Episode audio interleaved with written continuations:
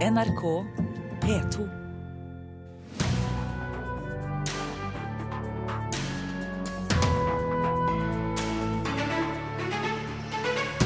Det er ikke riktig å bruke vitenskapen til å redusere godheten, sier presten som møter biologen til debatt om filmen 'Mannen fra Snåsa'.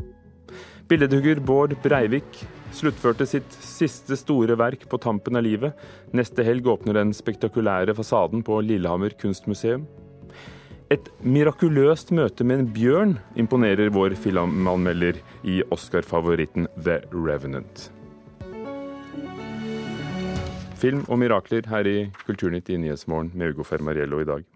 Denne uken er det premiere på den siste dokumentarfilmen av Margaret Olin. 'Mannen fra Snåsa' handler om Joralf Gjerstad og hans møte med hjelpetrengende mennesker hjemme hos seg selv i Snåsa i Nord-Trøndelag. Allerede før premieren i går kom kritikken om at filmen ikke er kritisk til hva det er Gjerstad gjør i sitt møte med syke mennesker og mennesker med plager. Det var noe i livet som stoppa det litt. Og det var det som gjorde at det ble sånn. Gamle, rynkete hender ligger stødig på skulderen til en ung dame. Mannen fra Snåsa sitter i sofaen med en av sine pasienter. Toralf Gjerstad, eller populært kalt Snåsamannen, har Norges mest kjente hender. Nå har dokumentarfilmskaper Margaret Olin, kjent fra filmer som 'Kroppen min' og 'Ungdommens råskap', laget dokumentar om mannen. Og snu snu andre veien. Og så hit. Lettere? Ja. I mange år så har jeg skildra mennesker i veldig vanskelige og utsatte livssituasjoner. Eh, Jeg hadde behov for å fokusere annerledes eh, og lage en film om godhet, eller en film om håpets betydning i menneskelivet. Og Da var det helt naturlig for meg å ta en tur til Snåsa. Allerede før premieren har kritikken kommet mot at Olin ikke stiller kritiske spørsmål til mannens evner. Og så er det noen som har behov for å si at ja, men sånne ting fins ikke, eller det har ingenting med vitenskap å gjøre og sånn. Men hjertevitenskapen, den kan vi kanskje for lite om, men den er helt avgjørende og helt viktig. Eh, Så må kirurgene gjøre sin eh, jobb, og så vil man noen ganger trenge medisinering. Eh, Men i tillegg til det så trenger vi hjelp for å stå i kriser til å stå i når livet viser seg frem nådeløst. Og det gjør det i de aller flestes liv en eller annen gang. Og her er det Joralf kommer inn, sånn som jeg ser det. Når det kommer nerver av folk som er sjuke. Da får jeg signal i min egen kropp som gjør at jeg kan hjelpe folk. Det var Joralf Gjerstad fra filmen 'Mannen fra Snåsa' Margaret Olin, som vi hørte i intervjuet, reporter Eirin Venås Sivertsen. Christian Gundersen, biolog og professor i livsvitenskap ved Universitetet i Oslo, forfatter av boken 'Snåsa-koden', som kom for eh, noen år siden. Hva syns du om filmen? Jeg, synes, eh, jeg ser i hvert fall ikke noe overnaturlig der. Ehm, Jeg syns også kanskje at den jeg syns ikke den var spesielt provoserende. Jeg syns rett og slett kanskje den var sånn litt kjedelig, for det er veldig repetitivt. Vi ser eh, Olaf Gjerstad som, som er litt insisterende, syns jeg. Litt overtalende og en godt hjulpet av, av filmens regissør. Eh, Og det er det jeg ser. Men jeg ser jo en mann som er veldig flink til å håndtere mennesker. Og, og jeg har ikke noe vanskelig for å forstå at en sånn larger than life-figur som Jorolf Gjerstad har blitt etter hvert, har en veldig sterk virkning på, på disse pasientene. Eh, Og så har han jo en hverdagsfilosofi som jeg tror mange har sans for. Elisabeth Thorsen, domkirkeprest i Oslo domkirke. Hva vil du si filmen handler om? Jeg tenker på menneskemøter. Og eh, det å forsøke å se en annen, sånn som Joralf gjør. Og forsøke å identifisere seg med en annens lidelse. Eh, Jeg opplever filmen som eh, dvelende ved de møtene, og at vi også får et innblikk i den eh, menneskelige varmen da, som Joralf omslutter de som kommer til han med. Men det som er litt spesielt, er jo ikke at det er ikke bare en menneskelig varme, men det er også en, en fysisk varme, slik Gjerstad ser det. Og det er vel der jeg, jeg får problemer. At han, han påberoper seg også stråler. Han ser blått lys over likkister. eh, Han er klarsynt, han kan lese kort med baksiden opp. Eh, så det er en masse sånne ting i tillegg til å være medmenneskelig. Eh, vi er vel ingen av oss som er noen noe motstander av at man skal være medmenneskelig. Han er det også. Men, men jeg syns kanskje man skulle være litt kritisk til noe av dette andre rundt og oppå. Er filmen kritisk nok? Er det filmens oppgave å være kritisk, slik du ser det? Altså, Filmens oppgave filmen er jo å vise mannen fra Snåsa, og vise godheten i det han gjør. Det er det Margaret sier også, at hun ønsker å fokusere på hva er godhet, hva er menneskelig godhet. Og så tenker jeg at i menneskelivet så ligger det også noe overskridende. Ehm, at det hører faktisk menneskelivet til å kunne være også i kontakt med det vi ikke forstår, og med det som jeg tenker har med det hellige og med Gud å gjøre. Når det er sagt, så skjer det jo mye i, både i kirken, i religiøse institusjoner, i forskjellige religioner og også i det nyreligiøse. Det skjer ting som ikke bør skje, og som vi må være kritiske til. Men det betyr ikke at vi skal slå ned på alt som skjer. Altså det, jeg mener at det Joralf står for, og det som Margaret Olin har dokumentert, er ekte vare, ekte medmenneskelighet, og også et budskap om at vi mennesker ikke er overlatt til oss selv, men at det finnes en Gud og en hellighet i livet. Hvis det hun har dokumentert, som du ser det, er medmenneskeligheten, og ikke det at folk blir friske av, av sykdommer og reelle plager de kommer med, kan det være farlig at eh, ikke bare denne filmen, men filmer som denne, eller eh, bøker om eh, lignende fenomener, kanskje får folk til å tro at det er der hjelpen finnes. Men i den medmenneskeligheten som hun dokumenterer, så ligger det jo også da en helbredende kraft. Det mener jeg at hun dokumenterer i filmen.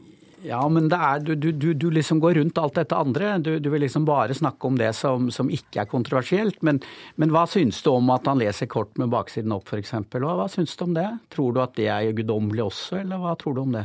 Nå har ikke jeg opplevd at han har lest kort med baksiden opp, men jeg har opplevd andre mennesker gjøre det, og jeg syns jo det er fascinerende. Altså, det, noen ja. kan jo det. Hva, hva syns du, okay. hva syns du har, har, du aldri opplevd det? Nei, det er ingen som kan det. Da, det så, du sier jo selv at hun har dokumentert det. Eh, ja, men det er altså under betingelser som, som ikke utelukker eh, fusk eller andre forklaringer.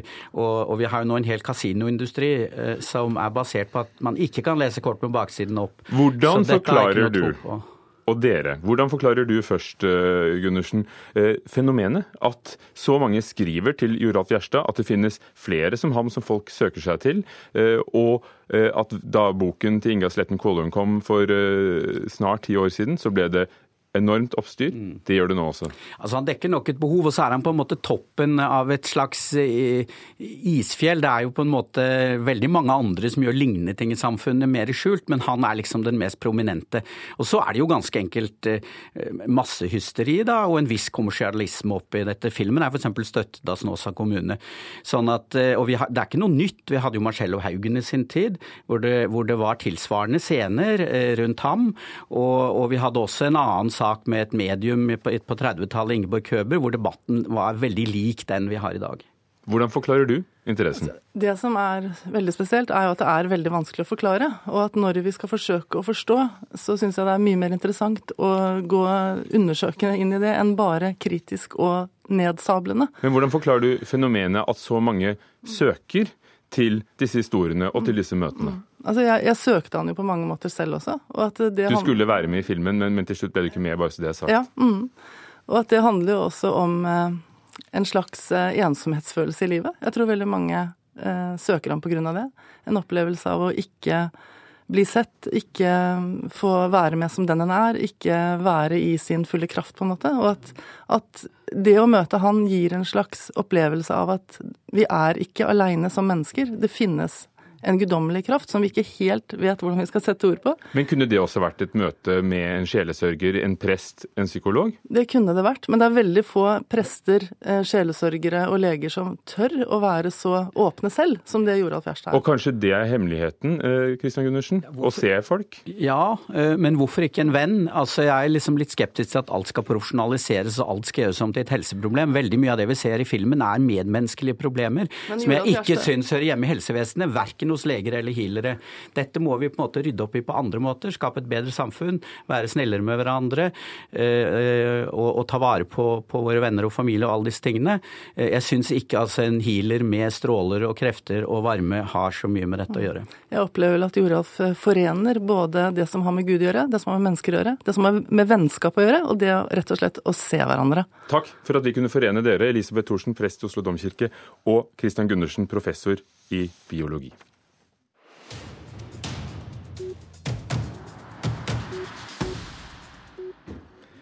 Og premieren på filmen 'Mann fra Snåsa' av Margaret Olin er eh, også behørig dekket i avisen i dag.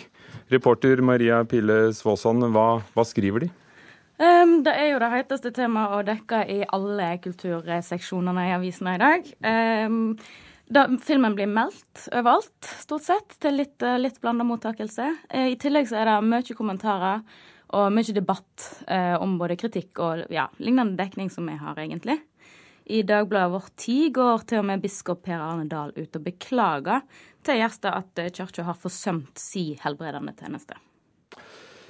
En annen avis, Verdens Gang, VG og en butikkjede har en, har en feide gående rundt seg fordi folk har klaget. Det har de, og i dag året, eh, går årets første møte i Pressens faglige utvalg av stabelen. De skal ta seg av fem klager på VG og deres samarbeid med Rema 1000. For siden i fjor har eh, VG hatt en seksjon som heter Familieliv som er finansiert av Rema 1000, men skrevet av en egen innholdsmarknadsføringsredaksjon i VG. Og klagene eh, går stort sett ut på at det blir oppfattet som uklare grenser mellom redaksjonelt innhold og reklame i, i den seksjonen.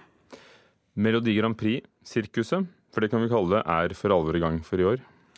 Det er det, og selvfølgelig med litt drama i tillegg. I går ble det kjent at artisten Freddy Kalas, som ble presentert som en av de ti deltakerne på tirsdag, blir tatt for å plagiere seg sjøl. Eh, og jeg tenkte vi kan jo sammenligne nå, for her kommer refrenget på låta 'Happy Rush', som var presentert på tirsdag som hans bidrag.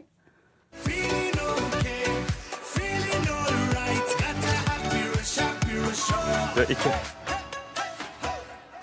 det var det vi fikk høre tirsdag. Ja, og så eh, har han òg ei sang fra 2011, en russelåt som heter 'Cannabis'. Så kan vi høre litt av den.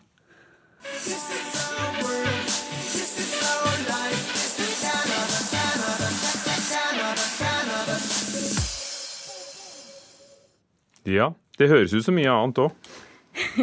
Hva skjer nå? Nå eh, skjer det at eh, i går kveld ble det kjent at Kalas må snu seg rundt. Og i kveld klokka 18 presenterer han en ny låt som han skal ha med når han eh, deltar i Grand Prix. Takk, Maria Pile Svåsand.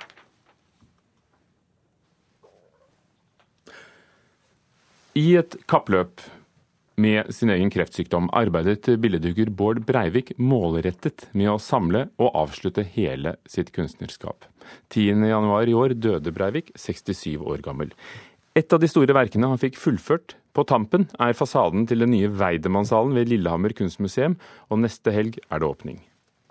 Dette er på en måte veldig vemodig, eh, men samtidig så er det storslagent. Se her. Se her. Gjennom vinduet i andre etasje på Lillehammer kunstmuseum ser vi det storslagne som direktør Svein Olav Hoff snakker om. En enorm, blank stålfasade. Det siste store prosjektet Bård Breivik rakk å sluttføre før han døde. Han, han var veldig fornøyd, og han kom her eh, helikopter, for han var så dårlig. Og jeg tror på en måte han, eh, han var tilfreds. Håndverkere jobber målretta mot nyåpningen neste helg. Breivik, som før jul i 2014 fikk påvist uhelbredelig kreft, jobbet like målretta mot sin deadline. Du kan si at sykdommen på en måte har eh, tvunget deg til å rydde opp. I et siste intervju med NRKs Ole Torp fortalte han hvor viktig det var å få samla og avslutta sitt innholdsrike kunstnerliv. Det er, det er jo tungt å liksom jobbe nesten et helt år bare med tanken på at du, grunnen til at du gjør dette, er fordi du skal dø. Men samtidig noe befriende å få det gjort. Siden han stilte ut på Guggenheim-museet i New York i 1982, har han vært en av våre største samtidskunstnere, kjent for sine store arbeider i stål eller stein. Den nye Weidemann-fasaden på Lillehammer fulgte han altså helt til mål. Der eh, han hatt stålkontroll på stålfasaden sin. Han hadde jo på slutten veldig mye han skulle gjort og rydde opp i ordnet, men dette her var i orden, og han visste at det kom til å bli fint når alt åpnet. Lillehammers nye landemerke er altså i stål. Og så vakkert, mener Hoff, at vi må trosse de bortimot 20 kuldegradene i dag og beskue det fra utsida. Oi, oi, oi. Stålfasaden ruver på toppen av et glassbygg, er åtte meter høy og dekker tre av sidene i det nye tilbygget som blir museets egen Weidemannssal.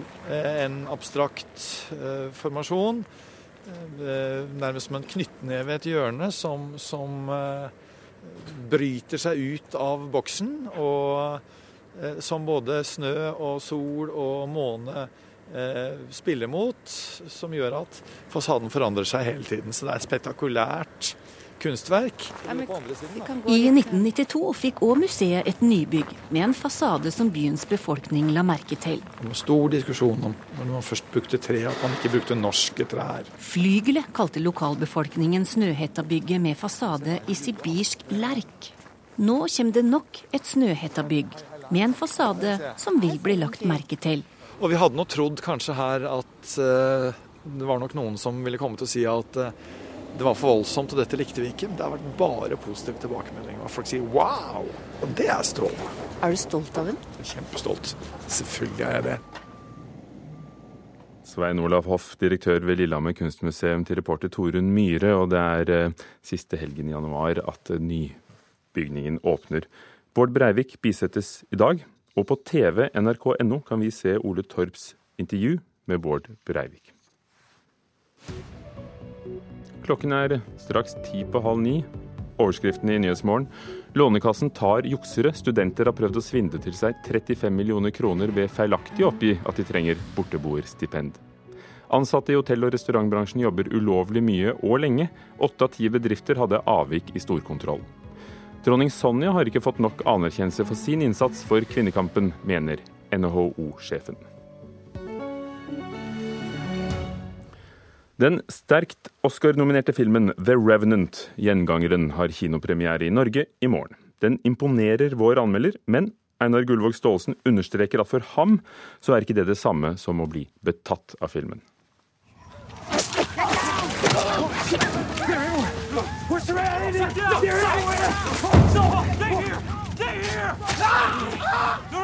The Revenant er mesterlig håndverk, men filmen er ikke vesentlig. Vi føler ikke noe for menneskene i den.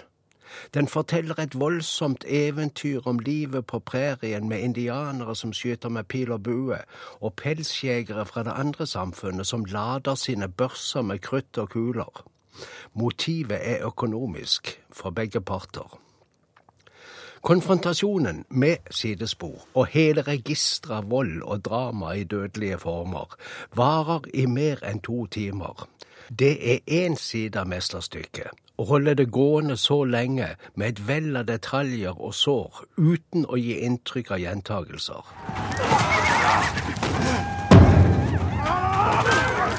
Forløpet av tid og vei er en veldig utfordring for skuespillerne også.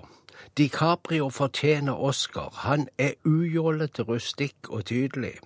De som har strevd med maskene hans, hårkutten og alt det som understreker vold, fortjener også heder. Jeg vet ikke hvem som har teknisk og dyrisk ansvar for kampen mellom DiCaprio og en bjørn som ser veldig levende ut. Vildyrscenen er nesten til å tro. Det er det mirakuløse som skjer med mannen i det slagsmålet, som er handlingens hovedlinje.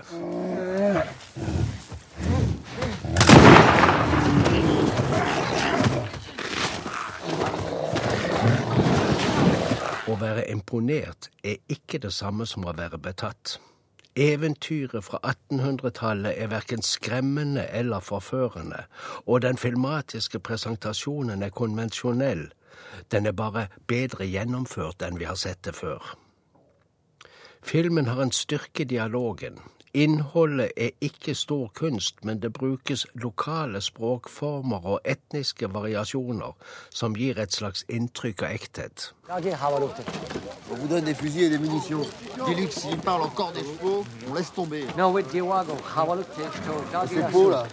Alejandro Gonzales Inarito har regissert. Han er meksikaner, men har gjort det meste av sitt synlige filmarbeid i USA.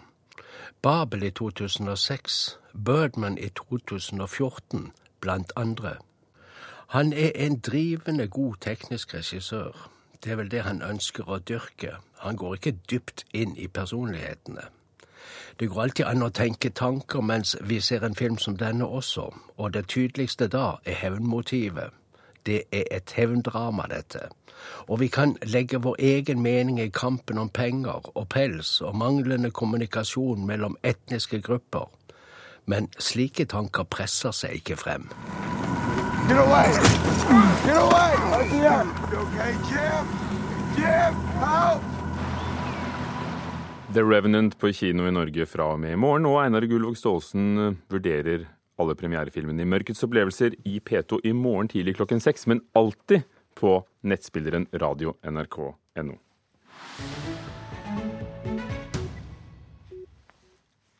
For litt siden utlyste NRK en konkurranse for å få inn gode, korte radiodokumentarer. Tre minutter var grensen. En nordisk konkurranse, men nå er eh, den norske vinneren kåret. Siri Bråtveit, gratulerer. Tusen takk. Hva bidro du med? Um, jeg sendte inn en liten snutt um, som heter 'Albinokanin til middag'. Der jeg um, gjør litt å reise tilbake igjen til 90-tallet, og der jeg prøver å finne ut hva som egentlig skjedde med albinokaninene til broren min og meg. Vi skal komme tilbake til den historien. Kjetil Saugestad, du er ansvarlig for konkurransen i NRK. Hva lyttet dere etter da dere fikk inn eh, bidragene? Det som er fint med sånn eh, Det å høre bidrag fra folk som ikke er inne i radiosystemet, enten det er NRK eller P4, og lager liksom tradisjonell radio på en eh, vanlig måte, forventa måte, det er at det er veldig ulikt og spennende uttrykk. Vi fikk inn personlige fortellinger som er rart klippa, fint satt sammen og skiller seg ut. Så et stor og vellykka grad av kunstnerisk tilsnitt og personlig stil. Er folk påvirket av de mange podkastene som veldig mange hører på, alt fra amerikanske This American Life til, til norske utgaver av det samme? Det tror jeg er en sånn bølge som er nå, og ikke minst blant yngre mennesker, at det at man kan dele radio på, på nett og høre annerledes radio, og podkast skiller seg også veldig fra den mer strømlinjeforma kommersielle og allmennkringkasterradioen som finnes. Så absolutt. For det er jo ikke lenger en heksekunst. Altså, for 20 år siden var det virkelig noe som krevet avansert utstyr og spisskompetanse. Nå kan jo hvem som helst klippe noe hjemme. Ja, absolutt. Og YouTube og Soundcloud og sånne steder hvor det er lett å dele ting, gjør at det er uh, sikkert gøyere enn før. Siri Bråtveit, du har jo studert dokumentarfilmskaping. Hvilke muligheter syns du at radio gir deg i forhold til film? Eh, ja, når jeg har jobbet med film, så har jeg kanskje mer vært interessert i den observerende dokumentaren. Der um, skal du jo vise heller enn å fortelle. Mens i radio blir det jo det totalt motsatte. Der må du si hva som skjer. Så det har vært veldig um, spennende. Albinokanin til middag. Mm. Vi skal høre et lite utdrag.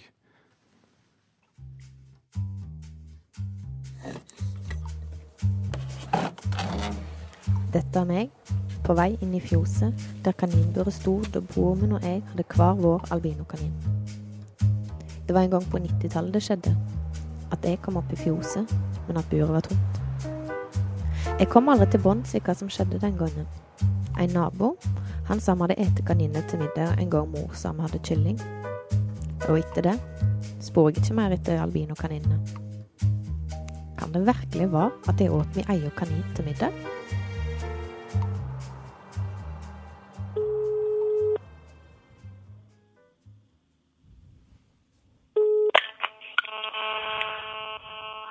Titti. Hallo, Halvard. Dette er naboen som påsto at eh, jeg åt meg ei kanin til middag den gangen. Ja, ja, det hadde vel ikke Hadde du noen kaniner, da? Ja. Hva er det med deg, da? Nei, jeg bare lurte på Jeg husker du sa en gang at vi hadde ete deg til middag. Nei, jeg eh, Jeg mener, sitter der da. Åt dere til middag? Det var du som sa det, jeg vet ikke. jeg, vet ikke, men ka kaninkjøtt den er godt. Den er godt kjøtt, det. Siri Bråtveit, eh, potensielt en hjerteskjærende historie. Kan eh, små historier være like sterke som lange? Det mener jo jeg, da. mm. Nå er det nordisk, eh, nordisk finale i april, og så kommer vinneren av denne nordiske finalen til Chicago. Hvor, vil du gå videre med lyd uten bilde? Det har jeg veldig lyst til å gjøre mer av. Mm. kan føye til at også publikum i går Vi hadde et lite arrangement og spilte alle de beste bidragene. Og da publikum valgte også albinokanin til middag som sin favoritt av de ti beste. Så det var jo ekstra stas for Siri her. Hva gjorde denne til den beste historien? Jeg tror det var eh, det litt absurde og overraskende eh, og, og personlige. Veldig sånn fri fortellermåte som eh, fikk folk i godt humør, og humor funker alltid. Hemingway skrev verdens korteste novelle, 'Til salgs babysko, aldri brukt'. Hvor lang er en kort historie? Ja, I vår sammenheng tre minutter, og det er ganske mye man får fortalt på tre minutter. Det er jo gjerne her i Dagsnytt f.eks. er det jo sju-åtte fortellinger på tre minutter hver hele time. Har du hørt på de andre? Ja. Hva, hva tenker du at du har gjort i forhold til uh, hvilke historier og grep uh, konkurrentene har valgt? Um, kanskje at jeg um, har, var veldig fokusert på dramaturgien. At det skulle være en um, dramaturgi, selv om det bare var tre minutter. Og så prøve å få publikum med her og nå, ja, i stedet for å Siri Bråtveit, vinner av Kortdokk, NRKs konkurranse for korte radiodokumentarer. Takk for at du kom, og gratulerer. Kjetil Saugestad, hvor kan vi høre dem?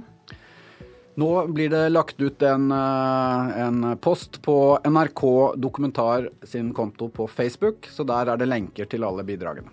Takk skal dere ha. I dag har vi diskutert 'Mann fra Snåsa'-filmen. Kan vi redusere godheten til vitenskap? Det var debatten. Du kan høre den igjen på radio nrk.no. Dette er Nyhetsmorgen. Produsent for sendingen har vært Stine Tråholt. Hør flere podkaster på nrk.no podkast.